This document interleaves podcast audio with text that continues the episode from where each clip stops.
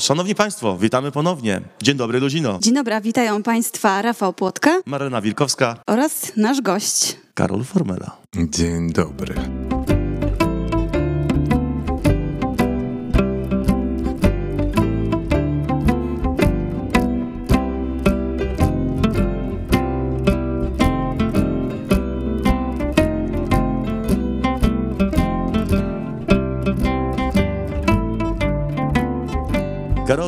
Zaprosiłem ci, zaprosiliśmy, chociaż tak naprawdę, powiedzmy sobie szczerze, ja też odpowiadam jakby za tą część kulturalną, więc w mojej gestii leży e, poszukiwanie gości. E, tutaj nie musiałem szukać. e, przyznam szczerze, że od e, momentu pomysłu na podcast e, byłeś jedną z pierwszych osób, która gdzieś tam mi się w głowie No, zawinęła. bardzo mi miło, to bardzo miło. Jako osobę, którą chciałem porozmawiać, nie? Ja może przedstawię troszeczkę słuchaczom twoją osobę, chociaż to nie będzie proste. I na początku chciałem mówić to swoimi słowami, powiedzieć swoimi słowami, ale stwierdziłem, że znowu się będę za, za bardzo rozwijał, y, bo tam jest o czym mówić po prostu, tak? Więc skopiowałem sobie najzwyczajniej w świecie e, tekst, którym pewnie ty się posługujesz. Natomiast myślę, że on jest e, chyba już do aktualizacji. Nieustannie. Szanowni Państwo, Karol Fulmela to kulturoznawca, grafik, specjalista od spraw reklamy. Ukończył PWSH w Gdyni, dyplom z rysunku i tytuł magistra sztuki obronił na Wydziale Pedagogiki ASP w Poznaniu. I to pewnie ta najistotniejsza w każdym razie w moim mniemaniu informacja, artysta interdyscyplinarny. Zajmuje się zarówno malarstwem, rysunkiem, instalacjami, jak i szeroko pojętą sztuką teatralną. Aktor i współzałożyciel offowego teatru Teorikon, kustosz oraz kurator wystaw Filharmonii Kaszubskiej. Tak, to trzeba rzeczywiście upgrade'ować. Zdecydowanie. I powiem tobie szczerze, że jak poszukiwałem, bo jak przygotowując się do, do dzisiejszego spotkania informacji, to akurat ta notka jest wszędzie. I tak sobie y, właśnie y, Pięta Achillesowa, czytając, ciąg... ciągły upgrade informacji, no rozumiem. Tam jest na pewno, na Ale pewno co, potrzebny. skupmy się może rzeczywiście na tym, że kulturoznawca i artysta i pedagog to są takie trzy rzeczy, które są chyba moim filarem, więc, więc do tego się możemy tak naprawdę ograniczyć, bo mm, rzeczywiście byśmy musieli popłynąć, gdybyśmy o wszystkim opowiadali. Dokładnie. Właśnie przygotowując się do tego dzisiejszego spotkania e, w kontekście uporządkowania twojej pracy twórczej, e, miałem zasadniczy problem, bo e, gdzieś tam po ostatnim podcaście m, tutaj koleżanka e, i pan dźwiękowiec zresztą, pozdrawiamy panie Marcinie Kryża, e, zwrócili uwagę, że faktycznie e, dobrze jest uporządkować te informacje, tak, nie, nie płynąć. E, I miałem tutaj problem, bo e, na początku miałem taki plan, aby poprzez twoje prace opowiedzieć o tobie, opowiedzieć o tym, jak sztuka jest potrzebna i czy kultura jest ważna. Tak. Odniosłem wrażenie, że y, twoja y, działalność y, w kontekście sztuki, ale tej wszelakiej, e, właśnie interdyscyplinarnej, ona jeszcze, ona łącznie tworzy jakąś całość, tak? Opowiada pewną historię, która jeszcze się nie skończyła. E, Nawet y, układając sobie tematy w kolejności, które chciałem gdzieś tam podjąć, zacząłem to robić, po godzinie przestałem, E, bo ten kontekst myślę, że jest e, w każdym razie dla mnie bardzo mocno wybrzmiał. Ale ładną rzecz zauważyłeś, rzeczywiście, że to w ogóle jeszcze nie, e, nie jest zakończone. Jakby wszelka twórczość, którą akurat w moim przypadku e, kontynuuję, to jest raczej doświadczenie chwili obecnej i tego, co się po prostu dzieje. Jako kulturoznawca obserwuję po prostu świat zewnętrzny, no i trochę jako artysta go komentuję, więc w ten sposób e, mam wrażenie, że moja droga twórcza będzie cały czas wraz ze mną po prostu szła do przodu. I e, czy ta historia będzie kiedykolwiek zamknięta? No chyba wtedy, kiedy już umrę, więc jeszcze trochę czasu mamy, mam Chyba nadzieję. e, moglibyśmy się odnieść, bo powiedziałeś, że komentujesz e, to, co widzisz. E, wystawa Tenebryzm. Opowiedz nam e, o tym e, coś więcej. E, skupiasz się tam na ciemności, na mroku, na tajemnicy. Mi też kojarzy to się ze strachem, bo Trochę. zapoznałam się z nią. Czemu, czemu skupiasz się właśnie na tej ciemności? Skąd to się wzięło? Wystawa, która jest akurat prezentowana w Filharmonii Kaszubskiej, Tenebryzm, to wystawa, która była tworzona w trakcie, kiedy no, będziemy musieli podjąć ten temat lockdownu, czyli wtedy, kiedy tak naprawdę większość ludzi była po prostu pozamykana w domach. To była nowa rzecz, zupełnie nowa. Dla mnie, jako artysty, człowieka, który po prostu e, żyje z ludźmi, w pewnym momencie musiałem się zamknąć w jakimś miejscu. Wybrałem oczywiście pracownię. Moja pracownia jest w Gdyni, w Międzytorzu, to jest port właściwie, więc e, uwierzcie mi, tam nie było nikogo dookoła. Cały czas tylko i wyłącznie ja, płótna i dźwięki portu, które były w nocy czasami zatrważające, jak przejeżdża pociąg z węglem i skrzypi wyjątkowo. To wszystko i ten taki półmrok wieczorny, kiedy, e, kiedy te dźwięki mnie otaczały i ta pustka i tych ludzi nie było, no to to po prostu oddziałowuje na, na twórczość. Kiedy człowiek maluje szczerze i robi coś, co jest taką sublimacją emocji, bo no mamy jakąś, jakieś poczucie tego. Ja jako człowiek, który po prostu stara się tworzyć nie tylko i wyłącznie komentujące i takie intelektualne prace, które są zagadkami dla ludzi, albo takimi komentarzami, które są po prostu podsumowaniem czegoś, co sobie wymyśliłem, ale też po prostu czujący, jak każdy człowiek. W takim momencie czułem się właśnie jak w takim cieniu, jak w takim mroku. Dodatkowo jeszcze w tamtym czasie czytałem książki, które uwielbiam na temat psychologii, bo był ten czas na tą konfrontację ze sobą. Nie mamy innych ludzi dookoła, mamy siebie. No to co, trzeba się z sobą zmierzyć trochę. W tej pracowni tym bardziej. I Jung, który jest takim, który jest takim człowiekiem, który no, na temat psychiatrii napisał mnóstwo rzeczy, e, mówił o takiej koncepcji cienia, czyli świata, który jest cieniem, i to jest ten nasz świat wewnętrzny.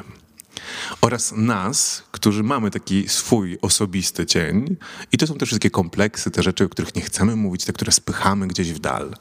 Kiedy nie ma innych głosów na zewnątrz, czyli nie rozmawiamy z innymi ludźmi, to ten cień ma raptownie możliwość odzywania się. I jeśli jesteśmy w takim pomieszczeniu sami, pracownia, za oknem nie ma nikogo, to wtedy ten cień zaczyna się mocno odzywać, a nawet być bardzo, bardzo dominujący. To był czas dla mnie takiej konfrontacji z tym cieniem, czyli takiego porozmawiania ze sobą, z tymi lękami, z tym niepokojem, z tym, co za oknem nadchodziło, czyli z tymi chmurami wirusowymi wręcz. I. Yy, i te emocje, które się tam po prostu w tej pracowni kumulowały, musiały mieć jakieś swoje ujście. Sublimowanie je na coś, co jest twórcze, jest dla mnie chyba najlepszym wyborem. Nie trzymanie tego i robienie sobie jeszcze większego, wiecie, w głowie mętliku, tylko po prostu pogodzenie się z niektórymi rzeczami, przepracowanie tych rzeczy i jeszcze zrobienie z tego czegoś twórczego, czyli czegoś, o kim później będę mógł z wami porozmawiać. W ten sposób powstała ta wystawa to jest generalnie cały ten lęk, mrok, niepokój, który towarzyszył nam w trakcie, e, w trakcie lockdownu. I dlatego też na wystawie, oprócz samych prac, które oczywiście podejmują ten, ten temat tenebryzmu, są jeszcze dźwięki. Tak, to jest bardzo istotne. I one są po prostu absolutnie otulające wtedy wystawę. Jeśli ktoś e, dał sobie to, bo nie każdy sobie to daje po prostu, czyli za pośrednictwem kodu QR po prostu ściąga to i na swoich słuchawkach, bo nie chciałem puszczać muzyki w całej pracowni, znaczy w całej galerii. Wtedy też to nie byłby ten taki separujący odbiór. Skoro ja byłem sam w pracowni, ja chcę, żeby każdy człowiek poczuł się sam w tej galerii. Więc każdy miał wziąć swoje słuchawki i po swojemu, w swoim czasie słuchać dźwięków, które zostały nagrane przeze mnie właśnie z tych, z tego otoczenia, czyli z tych dźwięków portu. Kiedy się wchodzi do galerii i odbiera tę pracę razem z tym dźwiękiem na swoich słuchawkach i tylko ze sobą, istniała wtedy możliwość jakby uzyskania tego efektu, który, który mi towarzyszył. A z racji tego, że to jest szczera i taka prawdziwa wystawa, która po prostu sublimuje stany emocjonalne i sobie z nimi radzi, plus daje ewentualnie możliwość konfrontowania się ludzi z tym, co, co ja zaproponowałem i jest tym pretekstem do rozmowy, no to to jest nawet bardzo konieczne, żeby sobie tą e, muzykę i tą izolację w tym momencie w galerii dać. No to z pewnością e, ta muzyka, którą stworzyłeś, e, bo miałem e, okazję oglądać tę wystawę i założyć, się posłuchać. Jak pamiętam, 23 minuty utworu. Tak, tak, 20 minut na odbiór wystawy to. Mhm. Mi zajęło obejrzenie wystawy 21 minut, jak pamiętam. Natomiast faktycznie niezwykle potęguje wrażenie obcowania z obrazami, czy też z twórczością, którą tam w tym momencie pokazałeś. E, jeśli pozwolisz, jeśli artysta nam pozwoli, to chcielibyśmy tutaj chwileczkę, nawet na 30 sekund z tego utworu zaprezentować e, naszym słuchaczom. Część osób przychodziło na wystawę i nie dało sobie e, możliwości nie, no, odsłuchania i też, czy też bardziej pełnego doświadczenia, bo chyba tak należałoby to nazwać. Nasi słuchacze z drugiej strony posłuchają e, twojej pracowni dźwięku w twojej pracowni, ale e, niekoniecznie e, jeśli nie mieli tej okazji, zobaczą e, te obrazy, e, to też jest też inne doświadczenie. Zupełnie inne, tak. Wiesz, dlaczego w ogóle postanowiłem, że dźwięki będą również towarzyszyły temu? Dlatego, jak, tak jak powiedziałeś, nie każdy sobie daje, nie każdy też ma umiejętność. Czyli przychodzimy wy na, na, wystawę i bardzo często po prostu oglądamy i robimy sobie taki krótki spacerek i do widzenia, wręcz uciekamy w ogóle z galerii. Dużo osób w ogóle nie wie, w jaki sposób odbierać dzieła sztuki. My już dzisiaj zostaliśmy z tego pozbawieni przez mocne przebodźcowanie i kiedy tylko pojawia się sam obraz, który jeszcze dodatkowo jest abstrakcyjny i musimy się zmierzyć z czymś, co nie jest intelektualne, tylko z emocjami, no to potrzebujemy na to dużo czasu, a nawet czasami nie chcemy się z tym konfrontować i, i po prostu ewentualnie podchodzimy do obrazu i mówimy podoba mi się albo nie podoba. Koniec. I to jest cały nasz odbiór. Trochę szkoda. Trochę szkoda, nie o to ponieważ. Chodzi w tej wystawie. Tak, generalnie wystawy mają dawać nam niesamowite doświadczenia i nie każdy potrafi sobie otworzyć się na te doświadczenia. A te doświadczenia to są po pierwsze doświadczenia ludzi, którzy nam e, proponują tą wystawę.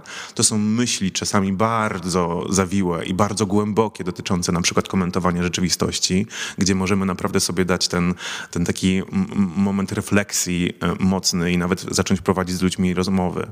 Dodatkowo jeszcze one mają uruchomić nam świat wyobraźni, czyli tego, co w mózgu neuroprzekaźniki robią fantastycznie. Jeśli my tego nie robimy i nie uruchamiamy sobie tych neuroprzekaźników, nie stymulujemy tego mózgu, bo dla mnie wszystkie galerie i wszystkie wystawy są jak neurofitness. One po prostu mnie pobudzają wyjątkowo i dają mi nowe przestrzenie w ogóle w moim umyśle, które do tej pory nie były poruszone, bo sam nie mam takiej perspektywy, jaką artysta mi daje.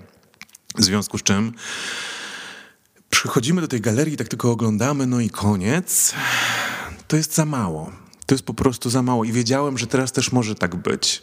I dla tych wszystkich, którzy są receptywni na dzieła sztuki i którzy potrafią naprawdę wejść w tą pracę, wręcz potraktować ją jak okno, które sobie otwierają, wchodzą do środka i są w tym świecie kompletnie, e, to dla tych ludzi stworzyłem muzykę, bo wiedziałem, że, że ona im ułatwi tą sprawę.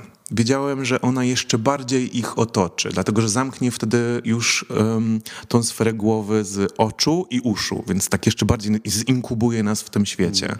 A generalnie wejście w świat dzieła sztuki powoduje, że my rozwijamy niesamowicie naszą kreatywność i naszą wyobraźnię. A powiedzmy sobie szczerze, no inteligencja to jest radzenie sobie z problemem. Jeśli jesteśmy kreatywni, Radzimy sobie z problemem na wiele sposobów. Jeśli nie jesteśmy kreatywni i nie rozwijamy naszej wyobraźni oraz kreatywności, mamy problem z problemem. Cofnę się do tego kontekstu przeżyć, przeżycia, bo no, sztuka faktycznie mm, powinna być przeżyciem. E, mówi się o konsumpcji sztuki. E, ja to w każdym razie odnoszę do pewnego doświadczenia, tak? I to doświadczenie dajesz poprzez obraz, poprzez mm, dźwięk e, w trakcie tenebryzmu czy też wystawy Tenebryzm, e, ale też e, bardzo istotną rolę, e, kiedy oglądałem, czy też właśnie doświadczałem tejże wystawy odegrało światło. E, czerni jest e, niewątpliwie podstawą, e, od której wyszedłeś, natomiast jest też to też światło. Jest, zdaje się, brokat użyty, tak. ale przede wszystkim twój ulubiony korol złoty chłopcze. tak. A dlaczego o tym mówię, to już sam jeśli mógłbyś tak. to powiedzieć. Faktycznie mm, ja posługuję się taką dychotomią, czyli relacją między światłem a, a, a, cieniem, czyli tym, co jest po prostu zupełnie czarne. E, chyba to wypływa z tego, że w ogóle trudno tak mówić o, o rysunkach i o malarstwie e, w ogóle przez sam głos, więc mam nadzieję, że będziemy to oddawać jak najbardziej um, zwizualizowane, jeśli to się da. Do tej pory głównie posługiwałem się rysunkiem. I zresztą dyplom tak samo robiłem w pracowni rysunku pani Anny Czyczeńskiej e, na Uniwersytecie Artystycznym w Poznaniu, więc, więc ten rysunek, czyli ta relacja między czarne a białe, światłem a cieniem, zawsze mi towarzyszył. W związku z tym ta dychotomia pomiędzy dobre, złe, czarne, białe, e, ona mi jakby e, weszła tak w krew, że ja już, to, to już chyba jest mój styl, to już jest chyba mój gust, ja się go raczej nie pozbędę. Ale uważam go za zasadny, zupełnie zasadny, z tego tytułu, że mm, ta dychotomia praktycznie w ogóle otacza nas za każdym razem. Prace są oczywiście malowane na czarnej podstawie. Czyli robię coś, co, co nie robi każdy. Na początku zamiast na biało maluję na czarno moje prace. Dopiero później zaczynam z niego wydobywać różne formy za pośrednictwem nie białego, tak jak każdy by myślał o dychotomii, tylko za pośrednictwem złotego który najbardziej odbija światło, który reaguje ze światłem, jest receptywny ze światłem i powoduje najróżniejsze tonacje odbicia światła. Czyli staram się odbijać światło, a nie malować światło za pośrednictwem kontrastu. No na tej zasadzie. Dodatkowo jeszcze złoty bo na tych pracach jest mnóstwo różnych alternatyw złotego. Oprócz płatków złota, szlak metalu, farb metalicznych złotych, sprayów złotych i no tam jest po prostu cała gama różnych e, kolorów złota i tego, w jaki sposób on odbija światło. Mm. I tam też jest brokat oczywiście, który też bawi się światłem wyjątkowo. Jakby wykorzystuje wszystkie takie materie, które, które tą zabawę ze światłem um, same prowokują. I y, dlaczego złoty? Ponieważ oprócz tego, co powiedziałem, jest jeszcze on wyjątkowym kolorem w sobie.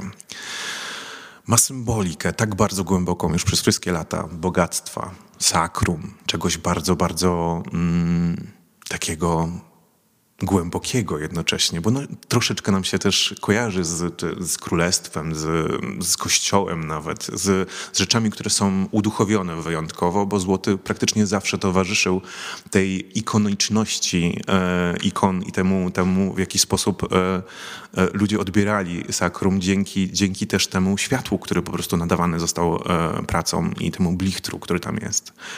Mm. Złoty stał się taką, taką tonacją kolorystyczną, która we mnie po prostu zupełnie e, się zakorzeniła. Uważam ją za zasadną w każdej formie i mogę go korzystać praktycznie z niego w każdym przypadku. w innych wystawach tak samo z niego korzystam. Tak. Instalacje maluję na złoto. Naprawdę tak to się dzieje. Myślę, że tutaj warto powiedzieć słuchaczom, którzy nie mieli okazji e, być na twoich wernisażach. E, ja tą przyjemność miałem i nieraz. E, ten złoty pojawia się nie tylko na obrazach w tym momencie.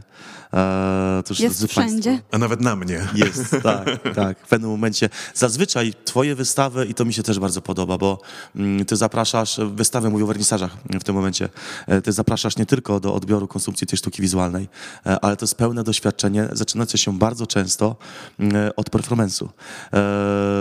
Jeszcze tak. tylko narzucę ten wątek mm, poprzedniej wystawy, czy też jednej z poprzednich, bo tutaj nie ukrywam, że akurat o tenebryzmie chciałem porozmawiać na koniec, bo gdzieś tam sobie poszedłem na łatwiznę i chronologicznie poukładałem e, kwestie, natomiast możemy się cofać, dlaczegoż nie? Lata doświadczeń, więc będziemy mieli do czego. Dokładnie.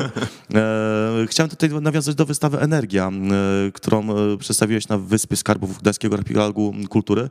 E, wspominałeś przed chwilą o, o trzech zasadniczych barwach, e, jak pamiętam, poprawnie. Wspomniałeś o tym, że złotych ma milion różnych odcieni, to się zgadza. Tak. Był, było światło, zabawa światłem. Mm, natomiast było czerń i złoto na tenebryzmie. Na energii dodałeś jeszcze biel. Tak. Tak. I e, to jest ten kontekst, e, z którego wyszliśmy. Natomiast w jednym z tych wywiadów, e, a propos tamtej wystawy, Energia, powiedziałeś, że zastanowiło ciebie, w jaki sposób zachodzi proces, czyli jak energia obrazu przeistacza się w emocję. I tą odpowiedź chciałeś przekazać poprzez ten cykl wystawienniczy. A ja pytam, czy odpowiedziałeś sobie na to pytanie? Nie tylko ja, mam nadzieję. E, wiesz co, czasami mam wrażenie, że jakby ścieżka kariery jakiego każdego twórcy to jest po prostu e, ciągła permanentna nauka życia. Czyli e, poprzez obserwację życia, poprzez doświadczenia przeróżne, poprzez nasze wewnętrzne jakby komentarze zaczynamy tworzyć, tworzyć dzieła no, mogą być przeróżne dzieła, tak? Bo to może być i muzyka, i teatr, i właśnie instalacje, jakkolwiek. I te dzieła są e, naszym takim, mm, taką pracą dyplomową, taką, taką pracą, gdzie po prostu te wszystkie doświadczenia kumulujemy, zaczynamy o nich myśleć, zdobywać doświadczenie, jakby mm, zastanawiać się, w jaki sposób te kody wizualne, e, w te kody wizualne ubrać te treści, o których myślimy teraz. No i tak się pojawiają różne tematy. Akurat przy wystawie Energia ja byłem wtedy w takim procesie, w którym jak, jak filozof wręcz zastanawiałem się nad tym, jak to jest, że, że czasami niektóre prace no tak mocno na mnie wpływają. I czy to jest historia, która jest na tej pracy, czy to jest tonacja kolorystyczna, która jest na tej pracy, bo w przypadku Beksińskiego, jak patrzę na tę pracę, to one mnie po prostu tak ogarniają, że ja potrafię dostać gorączki. Mm. w innym przypadku patrzę na pracę Rodka i Rodko, który nie ma żadnej historii właściwie, tak na mnie rezonuje, że ja zmieniam nawet moją strukturę nastroju wtedy. I e, czasami ze stresowanego dnia, jak wyjdę z galerii, to mam wrażenie, że w ogóle tego dnia nie było. To katarzis się dzieje. To takie nie przeżywanie nawet, ale to odbieranie tej emocji, która potrafi się we mnie zaszczepić do takiego stopnia, że zmienia moją strukturę na ten dzień. No i to był czas, w którym ja się mocno nad tym zastanawiałem. To właśnie była wystawa Energia. I ten, ta energia pomiędzy pracą i ten dialog pomiędzy pracą a człowiekiem mnie wtedy fascynował. Dlatego, że jeszcze w, oczywiście wyszedłem z z Poznania. To jest, to jest taka uczelnia, która jest bardzo konceptualna, więc tam raczej intelekt bardzo często w ogóle dominuje w pracach. I tam są takie zagadki intelektualne, które po prostu i takie prace, które bez grubego, obszernego, merytorycznego tekstu to nie wyjdą. więc... E, a, a tutaj się pojawiło coś innego. Pojawiła się po prostu energia, której ja nie rozumiałem. E, a która rzeczywiście mnie otaczała. No i ja podjąłem to wyzwanie zapytania się i, i doszły do mnie różnego rodzaju odpowiedzi. Między innymi Robert Doleski, który jest filozofem na ASP w, w Gdańsku e, i tam wykłada, mm, pojawił się na tej wystawie i otworzył tą wystawę, e, właśnie mówiąc o pewnych kognitywnych, filozoficznych tematach, które, które dotykają takiej struktury duchowości. I ta duchowość mm, no to jest to, jest to co, co, co w dziełach sztuki po prostu jakby istnieje. I dzięki temu mamy te przeżycia. I czasami może jak nam brak takiej duchowości w dniu codziennym, bo racjonalizujemy za dużo, albo, albo po prostu jesteśmy w presji dnia codziennego, czy czy nie wiem, nawet pozbyliśmy się jakichś innych naszych duchowości i jakiś innego sakrum, no to sztuka nam potrafi to dać i potrafi nam nas wznieść gdzieś, gdzie, gdzie ten obszar intelektualny no, nie jest na pierwszym miejscu może, i wtedy ta energia zaczyna się dziać. Ale w tym intelektualnym również ta energia się dzieje, tylko że na tym poziomie racjonalnym. Po prostu rzeczywiście dochodzimy do wniosków. Na tym poziomie intelektualnym, kiedy mamy jakąś instalację i po prostu jesteśmy w stanie ją odkodować, o, zrozumiałem. To jest ten taki efekt wow. I wtedy w człowieku zachodzi taka zmiana fantastyczna, bo on naprawdę zaczyna to rozumieć jakby są zagadnienia, o których może artysta powiedzieć za pośrednictwem dzieła sztuki, a odbiorca poprzez odkodowanie tych dzieł sztuki, on naprawdę to rozumie. Wtedy dlatego, że to nie jest mu podane i przedstawione. To się zgadzam. Natomiast czasami pojawia się e, zasadnicza trudność, bo e, niekiedy odbiorca, czy też wydaje mu się, że zdecydowanie lepiej od artysty wiedział, co chciał powiedzieć. Przeszedłeś tutaj, wspomniałeś o duchowości, która się, jak okazuje, bo samo ty mówisz, to jakby zwrócił uwagę, że, że, że, że teraz o tym rozmawiamy i po raz kolejny temat duchowości, który sam e, osobiście podkreślasz, się pojawił, ale wspomniałeś też o sakrum. E, I tutaj szybciutko chciałem przejść do e, poprzedniej, poprzedzającej wystawy Energię, którą pokazałeś w Galerii Gdyńskiego Centrum Filmowego, Body Sakrum. Ja to nie miałem okazji, bo, bo tak bardzo chciałem być na tym wernisażu. Chciałem tę wystawę zobaczyć, nie miałem tej okazji. Rozmawialiśmy, pamiętam, mm, e, kiedy przyniosłeś folder mm, opracowany, mm, właściwie to promocję katalogu wtedy się też odbyła, tak? Opracowaną między innymi przez doktora Michała e, Pszczółkowskiego, doktora Roberta Dolewskiego, Artura Kawińskiego, Magdę Wolsztyl, która swoją drogą y, też bardzo często się... Kuratorką była wtedy tej wystawy, tak? Tak, dokładnie. E, Anna Wodarska oczywiście e, według twojego pracowania pamiętam jak mocno prosiłem o egzemplarz i w końcu go otrzymałem, chociaż było ich niewiele, za co teraz dziękuję. Mm, w każdym razie, w każdym razie to po raz kolejny ten aspekt duchowości też się tak. pojawia. E, body sacrum to jest e, pewna sakrum, tak? Strefa świętości. E, tutaj mówisz o pewnej świętości ciała, czy też podejściu do niego. I teraz pytanie zasadnicze, skąd pomysł na taką instalację? Wystawa Body Sacrum to było dla mnie duże wyzwanie, dlatego że trochę się bałem reakcji. Wiecie, artysta, który jest komentującym człowiekiem, czyli nie tylko po prostu daje te emocje i ten taki świat po prostu katarzis, ale ten, który czasami skomentuje po swojemu świat, no ryzykuje trochę te, tego komentarza, który może być, e, który może być nawet, no powiedzmy sobie szczerze, nieprzyjemny.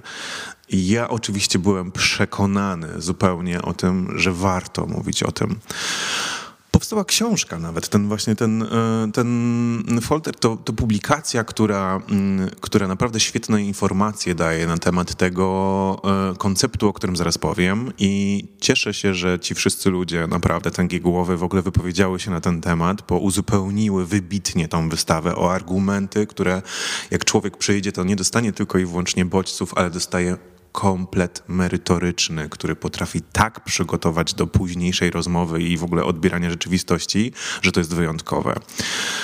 Body Sacrum to była wystawa, w której ja osobiście i mój intelekt e, troszeczkę dewaluował mi inne sakrum. Dewaluował mi wiary, dewaluował mi różne rzeczy. Wiecie, jestem kulturoznawcą, badam różne kultury, badam różne religie, religioznawcą. To też jakby miałem w obszarze kulturoznawstwa. W związku z czym mocno wszedłem w ten temat i, yy, i gdzieś zdystansowałem się do wszelkich religii i zrobiłem takie, o, o, brakuje mi czegoś. Brakuje mi, jestem tylko w intelekcie. Jestem tylko w intelekcie, a moje odczucia są tylko i wyłącznie sferą psychiki. Ale słabo, trochę mało. A to Trochę... mówisz, że, przepraszam, teraz przerwę, e, że to to jest ten moment, w którym, e, że tak powiem, obudziłeś się i wyszedłeś z tej strefy intelektu? Czy to jest, to właśnie był, wtedy się zadziało? to było to podsumowanie tego intelektu okay. i nawet właśnie mówienie o tym, że to sakrum jest w ciele, czyli tak mocno po prostu skontaktowane z ciałem. Mm, kiedy, kiedy zauważyłem, że rzeczywiście tego jest mało, zacząłem obserwować środowisko i dostrzegłem, że dużo osób już tak ma. Jakby znowu jako kulturoznawca obserwuję e, jakby sprawy socjologiczne bardzo mocno. I doszedłem do wniosku, że ludzie mają bardzo powszechną dewaluację nawet religii. E, w związku z czym e, no, troszeczkę w to miejsce, w tą lukę gdzieś muszą uzupełnić. Jak każdy każde ciało potrzebuje gdzieś ta psychika nasza każdą dziurę uzupełnić. E, I, i, I tak poszukują i poszukują i troszeczkę nie wierzą, czy to, czy tamto, czy ta religia, czy ten nurt będzie dobry. No i tak nie wiedząc właściwie czego dotknąć, albo weryfikując wiele, ale do każdego się dystansując, zostają z jedną rzeczą. Nasze ciało jest naszą świątynią. I tylko to posiadają. I tylko tego są pewni. I tylko na tym obszarze są w stanie powiedzieć jestem tego pewny. W związku z czym, jeśli nie mają tych wszystkich innych bodźców, które dają im tą przestrzeń sakralną, tą duchową, to ograniczając się, nie ograniczając, skupiając się na ciele, zaczynają bardzo mocno skupiać się aż za bardzo może czasami na tym ciele. Dochodzi do takich sytuacji, które, e, które ja zakodowałem właśnie w, w instalacjach. Był na przykład złoty, oczywiście, krzyż zrobiony ze sztang. Ciężkich sztang, gdzie mówimy tutaj o tym, jak człowiek musi pracować fizycznie na to, żeby jego ciało było boskie. E, w innym przypadku były mm, kasetony reklamowe, czyli takie kasetony, które widzimy normalnie na ulicy, City Lighty, tylko że zazwyczaj są z na przykład szyldem jakiegoś sklepu, a te kasetony reklamowe były ze zdjęciami osób, które troszeczkę w myśl takiego ikonostasu, czyli tych ikon, jak kiedyś ikony działały na ludzi, tak teraz te reklamy działają na ludzi. I te reklamy, one kodują w nas pewne obrazy. Na przykład musisz być piękna, botoks, tym podobne rzeczy, szczupła i tak dalej, i tak dalej, wyglądać świetnie. I te ikony powodują, że później mogą być też skutki tego, jak się to za bardzo zbyt dosłownie weźmie. I na zdjęciach tych kasetonów były trzy postaci. Jedna to była bodybuilderka, e, Grzesiu to jest anorektyk, któremu zrobiłem zdjęcia, no, które jakby widzicie, o czym one opowiadają, że okej, okay, dobra, ta historia, to bombardowanie nas tymi ikonami, tylko że współczesnej reklamy może spowodować, że będziecie aż za bardzo i że to może być nawet niezdrowe w pewnym momencie momencie, albo po prostu takie wasze jest, okej. Okay. No tylko nie lądujcie w szpitalu wtedy. E, dalej idąc, e, był feretron, który, e, który no, pochodzimy stąd, więc tak, tak. szuby, feretrony to takie jakby święte obrazy, które nosimy z, od miejsca do miejsca podczas pielgrzymki. No, jakby ja otaczany tymi feretronami, bo jakby nie było, pracuję w Filharmonii Kaszubskiej, więc Wejherowo w ogóle bardzo często jest oblegany tak, jakby tymi spędami fantastycznymi to postanowiłem ulokować zamiast w to miejsce sakrum lustra. I są to ogromne lustra na feretronie, czyli na takim właśnie transporterze jakby. E, jak się wchodziło do galerii, to pierwsza rzecz, z którą się widziło, to swój wizerunek. A zaraz po tym, jak się wychodziło przez te wszystkie elementy, czyli krzyż, ikonostas, tam była korona cierniowa, która była stworzona z, z do botoksu, czyli specjalnie pobrałem igły, które właśnie robią nam to krzywdę albo plastyczny cud. E, I to też pokazywało to pewnego rodzaju cierpienie. Ta wystawa była intelektualna. Ona pokazuje, że, że można niektórymi e, obrazami albo instalacjami opowiedzieć jakąś historię, która będzie pretekstem do myśli, stricte myśli. Dokładnie, dałeś ludziom do myślenia. Powiedz, e, jakie były reakcje? Bo jak tego słucham, to rzeczywiście widzę to. Jest to dla mnie naprawdę fantastyczne. Jak, jak ludzie to odebrali, którzy, którzy byli na tym wernisażu, oglądali twoją wystawę? E, mam właściwie tylko wernisaż i finisarz, w którym rzeczywiście jakby porozmawiałem z ludźmi na ten temat.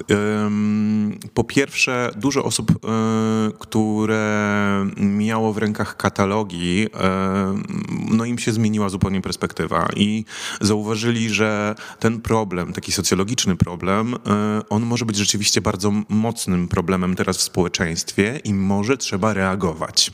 Więc sama chęć reagowania już była dla mnie niesamowitą satysfakcją, ponieważ ludzie chcieli, jakby uświadomieni w tym temacie, zrobili takie o, o, może rzeczywiście, może, może ja teraz będę ostrzegać kogoś przed tym, albo będę czujna chociaż na ten temat, żeby faktycznie potraktować, czy przypadkiem to nie jest jakiś, jakiś mój brak, czy to przypadkiem, że ja tak robię, to nie jest jakiś mój, mój deficyt? Cofnąłbym się jeszcze do dwóch wystaw, mm, w których, e, w których e, mm, wernisażach e, pojawiły się performance Magdy Chierowskiej. Będzie to na pewno Magia w galerii Engram w 2017 roku, która swoją drogą później pojawiła się i to mnie zaskoczyło, bo jeszcze wtedy razem współpracowaliśmy i nie miałem pojęcia, że twoje prace pojawiły się w piwnicy pod Baranami. Tak. W Krakowie. To była taka fanaberia, to było marzenie w ogóle, proszę cię, po prostu postawić w ogóle swoje dzieła obok miejsca, w którym Hasior ma swoje sztandary. Ach, totalna fanaberia i absolutne marzenie i na szczęście się zrealizowało. No, gratuluję. Eee, I tutaj chciałbym wrócić e, jeszcze wcześniej, do 2016 roku, do wystawy Dererum Natura, e, na której wernisażu też miałem okazję na szczęście być. Tam też e, na samym początku pojawił się performance Magdy Chierowskiej. Tak. Nie widziałem performance'u z magii, czytałem o nim, o gwoździach, czytałem mm, o, o, o wiadrze. Natomiast pamiętam Dererum Natura, gdzie tak jak już na początku rozmowy wspomniałem, przychodząc na wernisaż Karola Formeli, nie przychodzisz pospotkać się z artystą, porozmawiać, poglądać jego pracę, tylko przychodzisz po pełne doświadczenie, e, czasami muzyczne, e, bo podczas jednej z wystaw, nie pamiętam, której e, Jelen też się zdaje pojawiła, tak, to tak, była tak, Natura chyba, tak, tak. uzupełnieniem, tak? Jelen, z którą zresztą współpracowałeś niejednokrotnie, ale to myślę, że w następnym podcaście sobie o tym no. rozmawiamy. Ale właśnie ten kontekst Magdy Chierowskiej i tych performance'ów. Dlaczego? w ten sposób? Na pewno znacie Kantora. No to taki twórca, który oprócz instalacji e, oczywiście no, robił teatr. E, dlaczego robił teatr? Dlatego, że on chyba potrafi najwięcej elementów połączyć w jedno i wtedy zbudować taki totalny świat. Zresztą Kantor mówił o sobie artysta totalny, więc e, jakby on w ten sposób tworzył ten totalny świat. I ja totalnie rozumiem Kantora. dlaczego w ten sposób wybierał i dlaczego takie kierunki obrał. Rzeczywiście, jeśli jesteśmy w stanie stworzyć historię liryczną albo taneczną, e, mieć aktorów, których reżyserujemy, plus e, przestrzeń, która, która jest przez nas e, jakby opisana naszymi instalacjami, naszymi produktami, naszymi elementami, które coś znaczą oczywiście, a jeszcze pogłębiamy to taką semantyką bardzo głęboką, mm, no to wtedy teatr okazuje się być naprawdę takim miejscem dla artysty, w którym on się może spełniać totalnie. I e, ja nie ukrywam, że teatr, tak jak już mówiłeś, naprawdę rzeczywiście mi towarzyszył cały czas, więc e, uznałem, że z racji tego, że z Magdą Kierowską współpracowaliśmy już lata, tworzyliśmy razem teatr, no to, że to będzie coś, co powinno otwierać e, wernisaże. Cofnęliśmy się do 2016 roku, czyli minęło 5 lat, a ty ciągle, mówiąc o każdej z tych, e, z tych, z tych kolejnych swoich wystaw, mówisz z pełną pasją, z pełną energią. Mm, e, Zaczęliśmy od tenebryzmu, tak? Ostatniej, no bardzo świeżej rzeczy. E, Skończyliśmy na Dererum Natura z 2016 roku, a ty ciągle opowiadasz o nich dokładnie w ten sam sposób. Znaczy inaczej, oddając pełną emocjonalność tego, co się wtedy działo, wtedy, tego, co ci towa- towarzyszyło. I to jest ten, ten kontekst, m, który myślę, z którego wyszliśmy na początku, tak? Czyli to jest cały czas nieopowiedziana, nieopowiedziana historia. Ona trwa, ona jest pełna emocji, te emocje cały czas są w tobie. E, Zdaje się, że jest ich niewyczerpany zapas, co oczywiście w przypadku artysty ma niebagatelne znaczenie. Karolu, już na sam koniec e, przygotowałem tutaj taką niespodziankę. Kiedyś przeglądając archiwum w e, Filharmonii Kaszubskiej natrafiłem na pewne zdjęcie. Zdjęcie kolegi, zdjęcie z 2002 roku. E, I to jest zdjęcie, teraz właśnie to zdjęcie podaję, no, To jest oczywiście słuchacze nas nie widzą. 2002 rok. To jest dokładnie 2002 rok. To jest zdjęcie O z Jezu, twojej Radek pierwszej Kamiński. autorskiej wystawy. Wcześniej, jeszcze przed tą wystawą, e, miałeś, 2002, byłeś, miałeś współtowarzyszące wystawy, tak? To jest zdjęcie z 2002 roku. Wtedy też powiedziałeś, że od 98 roku uczęszczałeś na koło plastyczne Tak. do Wejherowskiego, wtedy Wejherowskiego Centrum Kultury, bo Filharmonia Kaszubska to lata, lata później. Tak, dyrektorem wtedy, jak widzisz na zdjęciu, był e, Radek pan. Radosław Kaniński. E, I to jest taki kontekst, który będziemy zamykali, natomiast y, delikatnie przejdziemy do mm, następnego podcastu, tak? Wystawa sztuki, ale również poezji. E, Po raz pierwszy otworzyłeś się e, i pokazałeś swoje wiersze. I to jest ten kontekst, który chciałem potoczyć w przyszłości, czyli e, wierszy, o wierszach już nie słyszałem, o wierszy już później nie spotkałem, To już, to już ale widziałem twoje wyczerpało. scenariusze. A widziałeś scenariusze, to prawda. O Jezu, skąd ty wziąłeś to zdjęcie? To jest kontekst tego y, naszego 25-lecia Wejherowskiego Centrum Kultury, A. gdzie mieliśmy okazję współpracować na scenie przy okazji snu y, przypomnij, 2002, Sen ile Królewskiej to jest Matki. 20? Nie, to jest, I przeglądając, przygotowując to jest się... już za dużo lat. To jest dużo. To jest To dużo. już jest za dużo lat. No, e, przeglądając, e, przygotowując się do, do, do wystawy, to zdjęcie załóż mi mignęło, nie? I okazało się, że to jest właśnie twoja pierwsza Tak. samodzielna wystawa. My ją, e, to zdjęcie może pokażemy w komentarzach, bo czemuż O, nie? nie ma takiej opcji. Nie? Dobrze, to nie pokażemy. Odpowiadam, szanowni państwo, że w internecie jest dostępne. Bo co w internecie, to już nie zginie. O nie.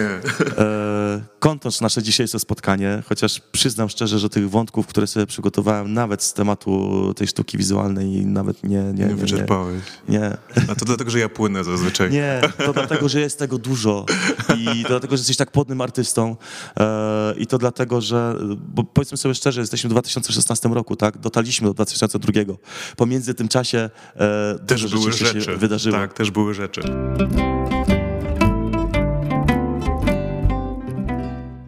No i zgodnie z naszą już dwuodcinkową tradycją mm, e, chcielibyśmy zaprezentować Państwu utwór muzyczny, natomiast w związku z faktem, że podczas dzisiejszej rozmowy artysta pozwolił nam mm, e, udostępnić Państwu chociażby ten kawałek, część, cząstkę mm, e, tego wykonu artystycznego, muzycznego, który spowodował do wystawy Tenebryzm, to około minutowy fragment z tego 23-minutowego utworu właśnie Państwu zaprezentujemy. Zapraszamy serdecznie.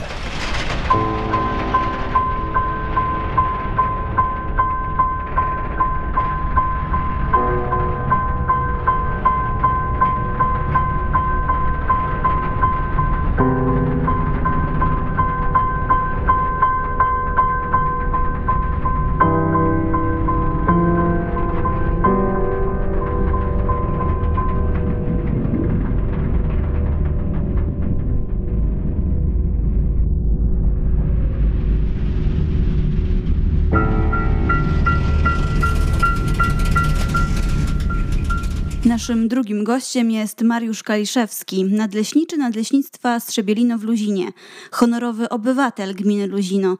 To właśnie z jego inicjatywy powstał Park Dendrologiczny i kultowa ścieżka zdrowia w Luzinie. Zabieramy Państwa w Bieszczadę Północy do Nadleśnictwa Strzebielino, które swoją siedzibę ma w Luzinie. Prawie połowę powierzchni gminy stanowią lasy.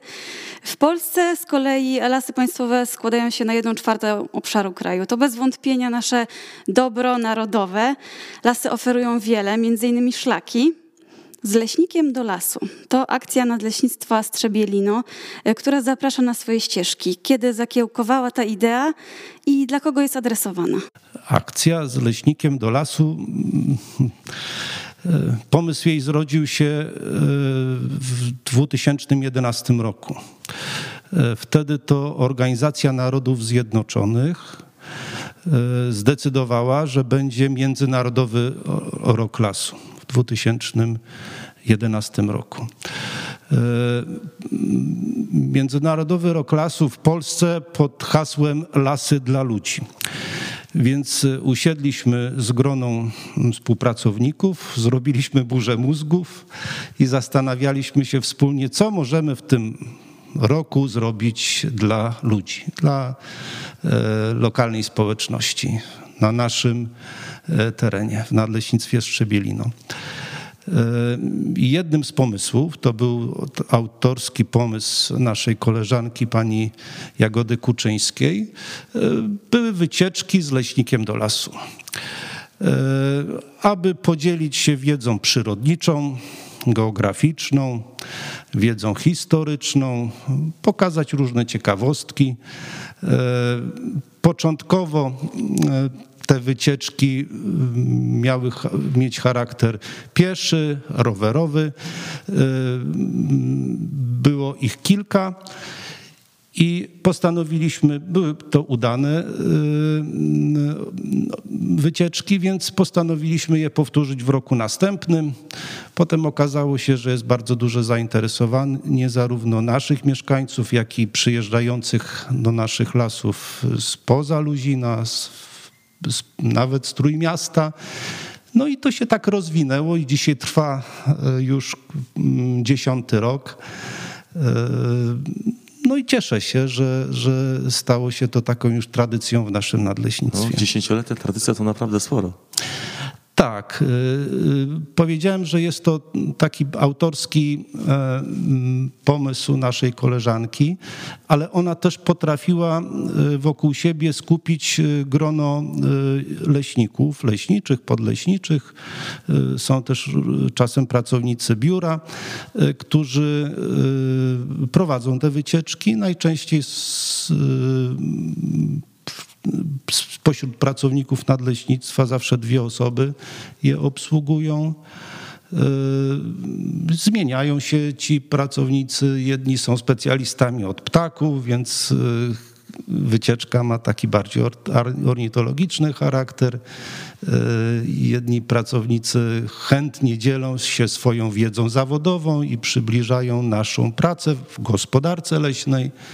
Wtedy występuje inny leśniczy, inni z kolei geografią się bardziej interesują i, i, i przez to mm, udaje nam się 15-20 kilometrowe szlaki e, czasem raz w miesiącu, czasem raz na dwa, trzy miesiące pokonywać. I co należy podkreślić, idziecie raczej e, tempem dość szybkim, więc pytanie właśnie, czy, czy to jest dla każdego i czy e, w ogóle obowiązują jakieś zapisy, jak to wygląda?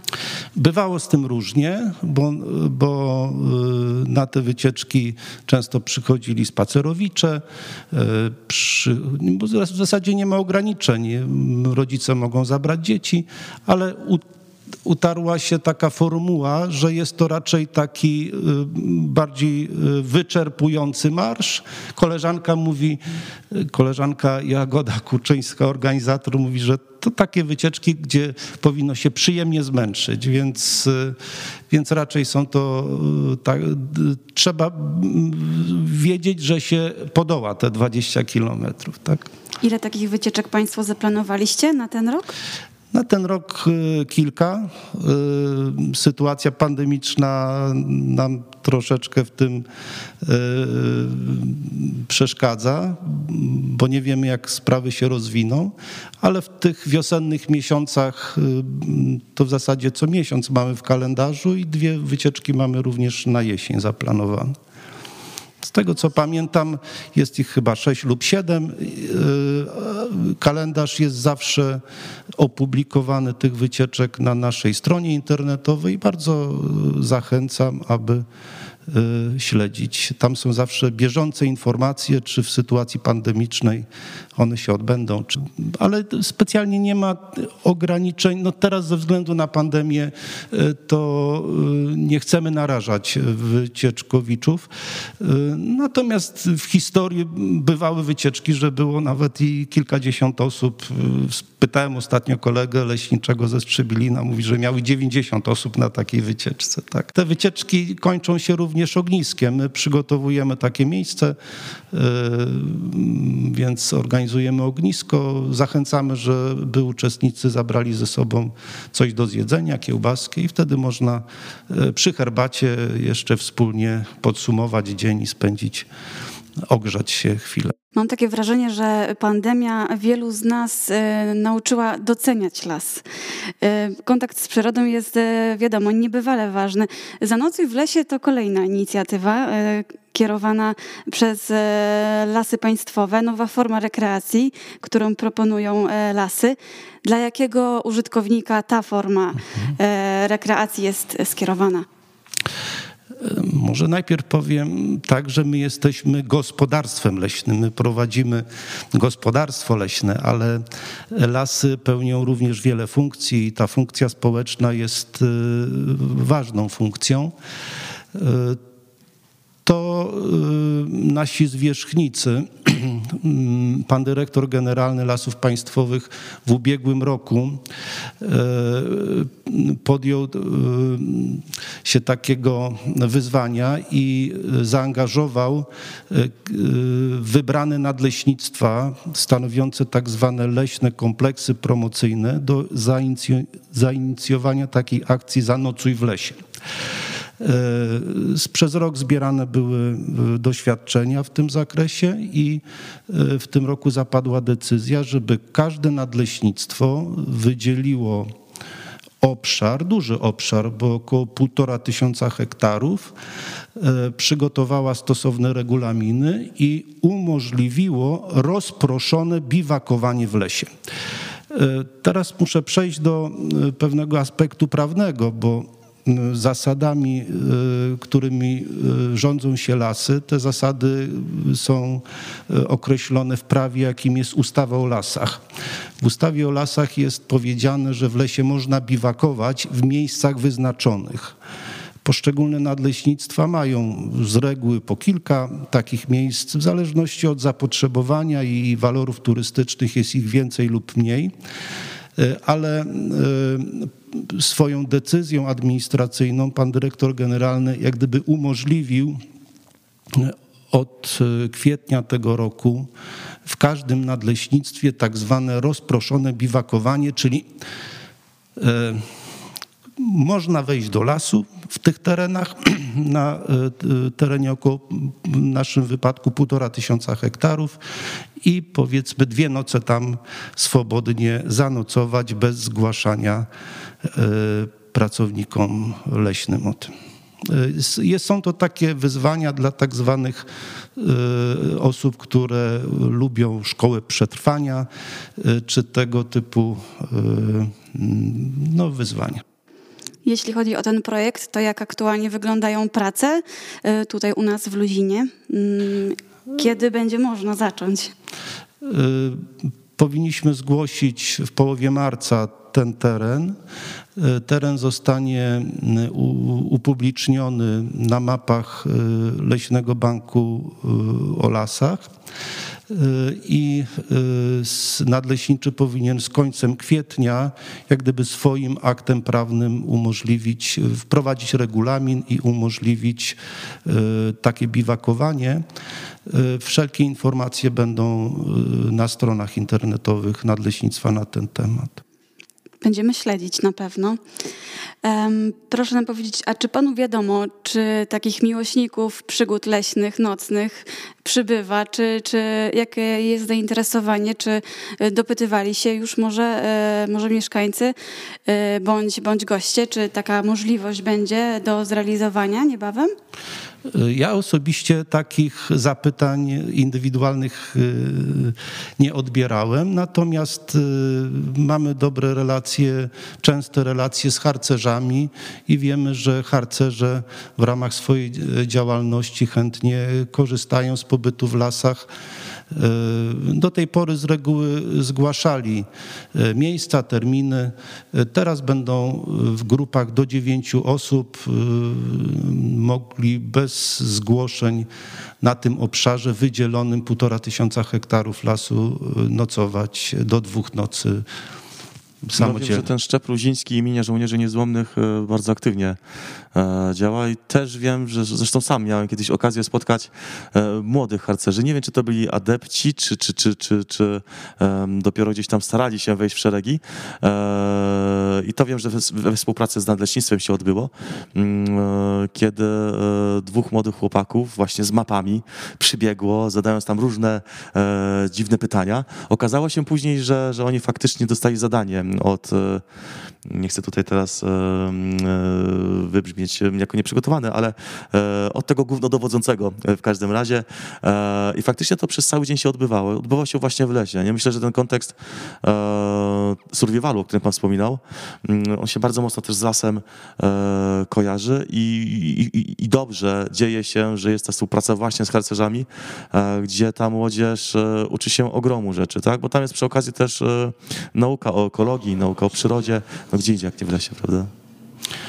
Tak, y, to nie tylko y, luzińscy harcerze, ale harcerze strzebielińscy, harcerze, którzy spoza y, terenu naszej gminy tutaj przybywają, czy nawet naszego powiatu. Na terenie naszego nadleśnictwa w zasadzie graniczymy z jeziorami potęgowskimi. Mamy nad jeziorami potęgowskimi swoje lasy i tam są takie atrakcyjne tereny, gdzie harcerze chętnie w okresach letnich wypoczywają wypoczywają.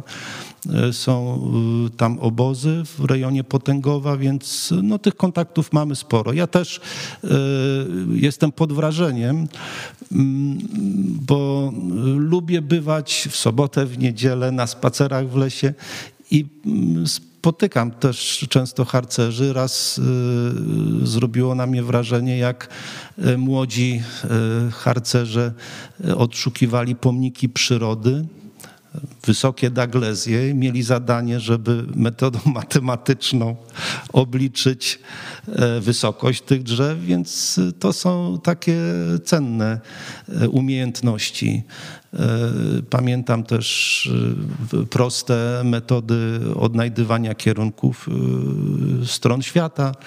E, więc... Zdaje się, że mech rośnie tylko po północnej stronie drzewa, tak? Dobrze tak, pamiętam? Tak, tak. Albo e, północ jest tam, gdzie pokaże pan Roraw, bo pan Roraw jest naszym byłem leśniczym, szkółkarzem i też pamiętam, jak byłem z dziećmi z Barłomina na szkółce naszej, gdzie dzisiaj wyjmujemy sadzonki po to, żeby, bo zaraz jest kampania, znaczy kampania, no sadzimy las na przełomie marca, kwietnia i kiedyś byłem z dziećmi z Barłomina, pokazując im tam właśnie sposoby e, posługiwania się kompasem na szkółce.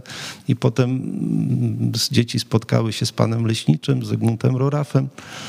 I na koniec było pytanie, gdzie jest północ, no to tam, gdzie igła kompasu wskaże, gdzie mech i gdzie pan leśniczy wskaże ręką. A propos odnajdywania, chciałabym zapytać o taką akcję, o kryptonimie Wieniec. Brzmi dość tajemniczo. No Wieniec jest to trofeum samca jelenia.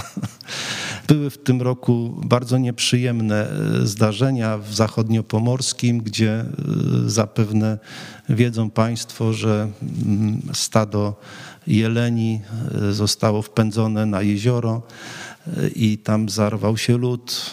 Kilkanaście osobników po prostu nie przeżyło. E, I y, jest to taki okres wiosny, kiedy jelenie, samce jeleni zrzucają właśnie te swoje tyki. E, jest to y, obiekt, te tyki y, zainteresowania poszukiwaczy i nic się nie dzieje, jeżeli ktoś chodzi, powiedzmy, i tam znajduje taką tykę. Natomiast są sytuacje, kiedy odbywa to się w taki niehumanitarny sposób, kiedy się powoduje, że takie stado jeleni, jak się na nie trafi, się płoszy po to, żeby one w ucieczce od uderzając tymi tyk, tykami, wieńcami o, o drzewa. Czasem y, druty się rozciąga na, y, na ścieżkach, gdzie jelenie przechodzą, żeby, bo, bo, wiosną one w sposób naturalny zrzucają te tyki. Dlatego okres lutego, marca pan dyrektor generalny podjął decyzja, aby właśnie e, w okresie na przełomie lutego, marca w całej Polsce strażnicy leśni e, kontrolowali te tereny i nie dopuszczali do sytuacji, e, aby płoszyć te zwierzęta i dlatego mieliśmy taką akcję pod kryptonimem Wieniec. Czy na tych terenach naszego nadleśnictwa, nadleśnictwo Strzebelino, które jest potężne, jak się okazuje, bo pamiętam gdzieś kiedyś rozmawialiśmy byliśmy jeszcze u pana w biurze, pokazał mi pan całą mapę nadleśnictwa. Wybiega zupełnie poza obszar moich wyobrażeń, bo gdzieś tam myśląc nadleśnictwo Strzebielino, z siedzibą w Luzinie, człowiek głową, e, nieobeznany w tematyce e, leśnej, mm, kieruje się no, gdzieś tam gmina Luzino, te lasy dookoła, tak? Już wcześniej, przed chwilą wspomniał pan, że ona dalej ten, te, te lasy sięgają, ale one są zdecydowanie jeszcze szerzej rozstrzelone. Natomiast czy właśnie na tych terenach spotkał się już pan bądź pańscy pracownicy z kłusownictwem? Y, to są pojedyncze przypadki. Y, są takie rejony, gdzie tradycyjnie, może z pokolenia na pokolenie, takie prymitywne metody kłusownictwa spotyka się. Y, nasi, no często jest to wnykarstwo Y, nasi y, strażnicy znają te tereny i y, je systematycznie patrolują, ale to są naprawdę pojedyncze przypadki. Czasem z kusownictwem mamy do czynienia z, z taką formą kusownictwa z bronią, nielegalne powiedzmy korzystanie z polowania, ale tutaj w tym zakresie też myśliwi są bardzo czujni i oni takich nieetycznych e, kłusowników e, skutecznie eliminują. Czyli możemy powiedzieć, że nasze lasy są bezpieczne. Są bezpieczne i też chcę powiedzieć, że my nie, na szczęście nie mieliśmy takich przypadków, żeby y, ktoś starał się przepłaszać stada e, tych jeleni w celu pozyskania e, tych e, elementów wieńca, tych, tych poroży. Ale akcja była przeprowadzona. Skutkiem tej akcji było kilka mandatów, bo takim większym problemem na, w naszych lasach jest korzystanie z składów i z krosów. Tak, tak, tak, tak. I tam przy okazji, przy udziale policji udało się takich e, kładowców i krosowców e, schwytać. E, kolejnym problemem, jeśli chodzi o takie korzystanie z lasów, to jest puszczanie psów luzem, więc nasi y, strażnicy podczas akcji Wieniec również udzielili kilkunastu pouczeń osobom, które były w lesie i nie trzymały y, psów na smyczy. Ale mieszkańcy stosują się do tych zaleceń i w większości, jak ktoś już idzie do lasu, to tego pieska trzyma przy nodze na smycz. No to drodzy słuchacze, pamiętajmy, idziemy do lasu z psem, pies przy nodze e, i idziemy, a nie wjeżdżamy kładem czy krosem. Jeżeli jesteśmy w tym temacie szkodnictwa leśnego, ja chciałbym zwrócić e, uwagę na zaśmiecanie lasów, bo to jest akcja wieniec i kłusownictwo, naprawdę to są mar marginalne sprawy, natomiast zaśmiecanie lasów jest poważnym problemem. My chętnie, jak już Wypominaliśmy las pełni funkcje społeczne. Ludzie chętnie korzystają, biegają, spacerują, sami z psami jeżdżą na rowerach i każdy, kto jest w lesie i widzi śmieci, czuje się od razu źle, prawda? I natomiast, tak jak pan wspomniał, tych, nasze nadleśnictwo opiekuje się lasami od Lęborka aż po Wejherowo, od Chynowa aż po jeziora potęgowskie. Potężny obszar. Tak, no tak mniej więcej każde nadleśnictwo gospodaruje na takim, na takim terenie i śmieci stanowią bardzo duży problem na całym obszarze. My zbieramy te śmieci, bo jest to obowiązek właściciela. Jeżeli uda się znaleźć sprawcę, to konsekwentnie staramy się, aby poniósł karę za to bo czasem w śmieciach udaje się znaleźć adres czy jakąś przesyłkę. Numer telefonu. Pewnie. Numer telefonu, więc, ale, ale kilkadziesiąt tysięcy złotych wydajemy na śmieci. Ja chcę powiedzieć tak, każdy z nas, pan, ja, pani, miesięcznie pewnie około 50 złotych kosztuje zorganizowany wywóz z naszych gospodarstw miesięcznie i każdy produkuje te odpady plastikowe, odpady szklane, makulaturę. Koszty, które my ponosimy na usuwanie śmieci z lasu, to, to stanowią tyle, jakby około 2000 mieszkańców, 2000 gospodarstw miesięczne swoje śmieci wynieśli do lasu. Wyobraźmy sobie wioskę, nie wiem, Kębłowo czy Robakowo i z każdego gospodarstwa, gdyby wynieść do lasu śmieci plastikowe, szklane czy makulaturę, to stanowiłoby około 100 tysięcy złotych, a my ponosimy takie koszty na uprzątanie. Pani, pani, wspomniała jeszcze, wrócę do tej akcji Zanocuj w lesie. No, jednym z warunków jest, aby no, pozostawić las takim, jakim Czysty. się zastało, Dokładnie. prawda? Czyli, ale te osoby, które decydują się na tak taką włóczęgę e, na nocowanie w lesie pod e, pałatką, czy e, w jakiś prymitywny sposób potrafią to uszanować i, i uważam, że jeżeli będzie to sformalizowanie, las będzie udostępniony, to, to też wszyscy chętni będą przestrzegali regulaminu korzystania. Ten regulamin będzie na stronach internetowych. Będzie dostępny.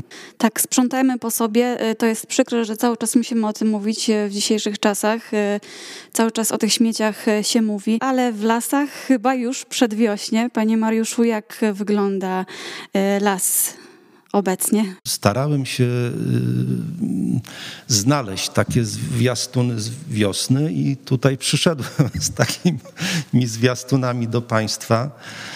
Przyniosłem gałązkę leszczyny, na której są kwiatostany męskie, żeńskie, e, ale też przyniosłem e, gałązkę derenia jadalnego, e, którego mam za oknem i w zasadzie każdy z nas tę, tę wiosnę najczęściej obserwuje wokół siebie.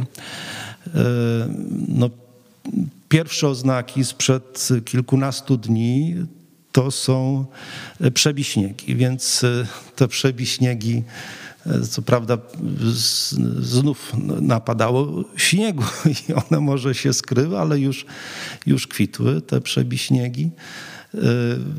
Kolejnymi zwiastunami tego przedwiośnia to jest leszczyna, to jest dereń, zachęcam, można go włożyć do wody i za kilka dni będą pierwsze kwiaty, bo, bo to już pączki kwiatowe tego derenia tutaj e, są. Wczoraj wybrałem się na wycieczkę, bo jest to taki czas, Chciałem sprawdzić, czy kwitnie wawrzynek wilczołyko.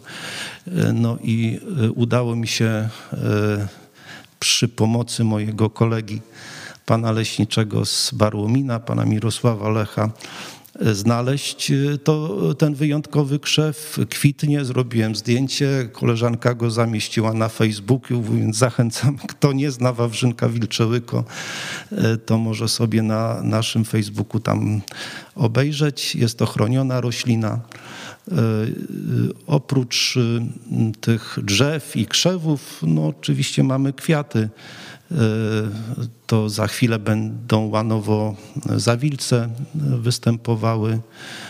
Za chwilę będzie przylaszczka, więc będzie można na przykład udać się na wycieczkę nad rzekę Łebę w okolice Tępcze. Ja tam bardzo lubię chodzić i odnajdywać przylaszczki na przykład. Panie Mariuszu, ostatnio w mediach lokalnych było głośno na temat wilków, pojedynczych, pojedynczych wilków w okolicznych lasach. Czy w naszym nadleśnictwie również możemy spotkać w lesie wilka? No tak, jest to taki bardzo medialny, medialny temat. Wilki od wielu lat już są spotykane na naszym terenie. Najczęściej mają kontakt z nimi myśliwi, ponieważ myśliwi są w lesie i o każdej porze roku, dnia i roku, więc to głównie za ich pośrednictwem mamy takie sygnały. Mamy też informacje od naszych pracowników terenowych, od leśniczych, podleśniczych. No, tropy wilka to są to duże tropy, są to rozpoznawalne i, i dość często te tropy w lesie spotykamy.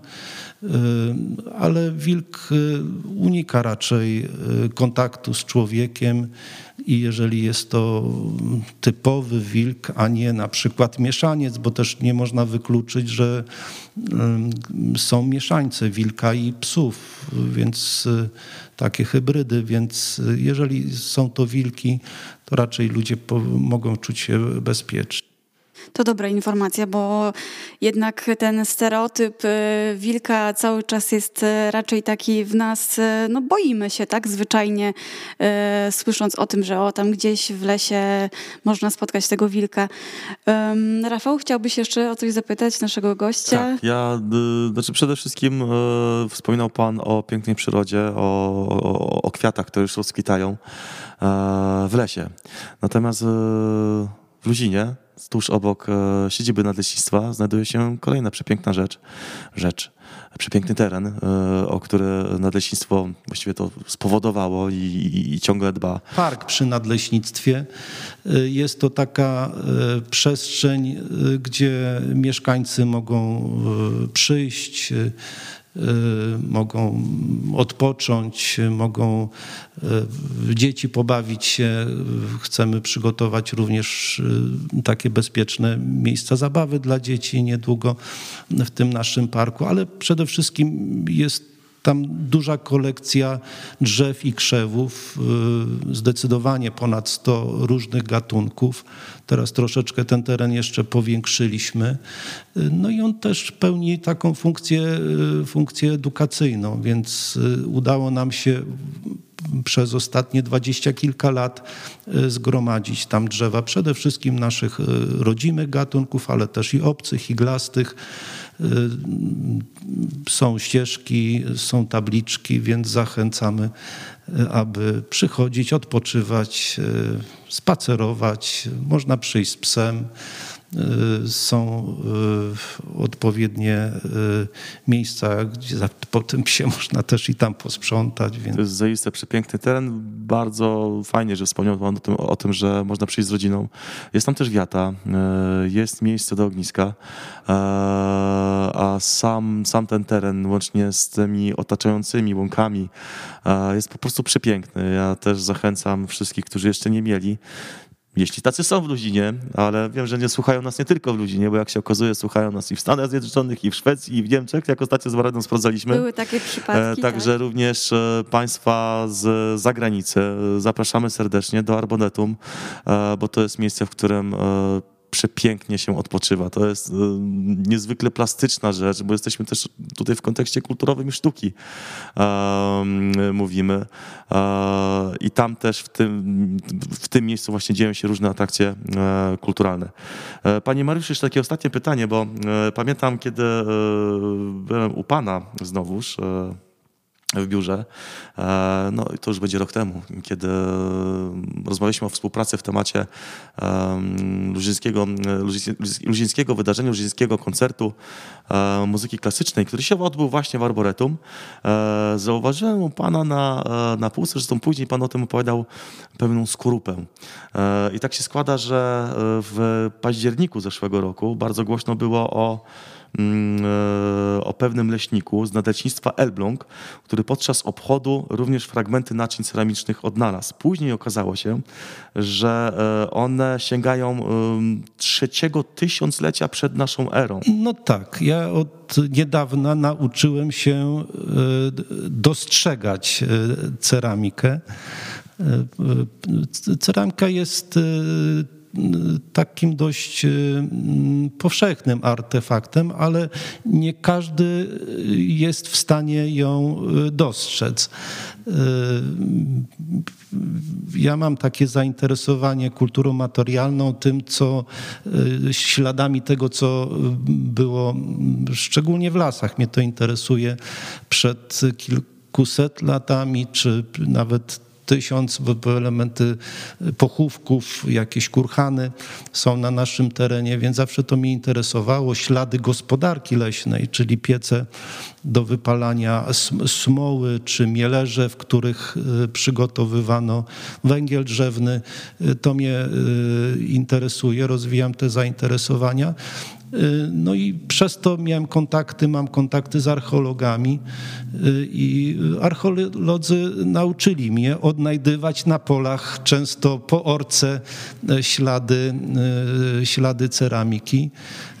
To są pozostałości po tych ludziach, którzy tutaj byli przed nami na naszym terenie. Dość powszechnie korzystali z gliny, mieli naczynia i stąd te czasem drobne fragmenty, które udaje mi się gdzieś na polu zobaczyć, a czasem i w lesie można to spotkać. Tego faktycznie na naszych terenach jest ogrom. Tutaj głównie z kultury pomorskiej, to będzie około 2000 lat przed naszą erą.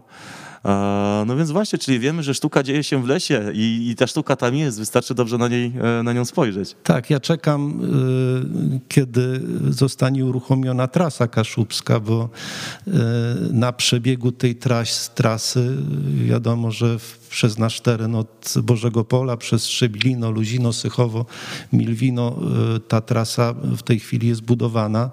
Jest obowiązek przebadania archeologicznego i i wiem, że są tutaj archeolodzy i znajdują dużo ciekawych e, znalezisk. Mam nadzieję, że one będą w jakiś sposób opublikowane i też będą stanowiły e, takie bogactwo naszej historii e, i kultury na naszym terenie tutaj. Już nie mogę się doczekać. Ja też. Też liczymy na to, że może w rodzinie uda się taką wystawę zorganizować. A to trzeba by chyba do służb konserwatorskich się zwrócić. Zapisane, zapamiętane, tak też zrobimy. Bardzo panu dziękujemy za przybycie, za rozmowę. Naszym gościem był pan Mariusz Kaliszewski, nadleśniczy Nadleśnictwa Strzebielino z siedzibą w Luzinie. Długa nazwa. E, a ja też dziękuję bardzo i serdecznie Państwa zapraszam do lasu, najbliżej tu na ścieżkę zdrowia, e, na spacery z leśnikiem do lasu, jak również po to, aby szukać tych e, zwiastunów przedwiośnia i, i zbliżającej się już wiosny. Dziękuję bardzo to idziemy do lasu. Dziękuję pięknie. Do zobaczenia. Zapraszamy na leśne ścieżki. Cel został osiągnięty. Kolejna dawka informacji i inspiracji dostarczona. Do usłyszenia wkrótce.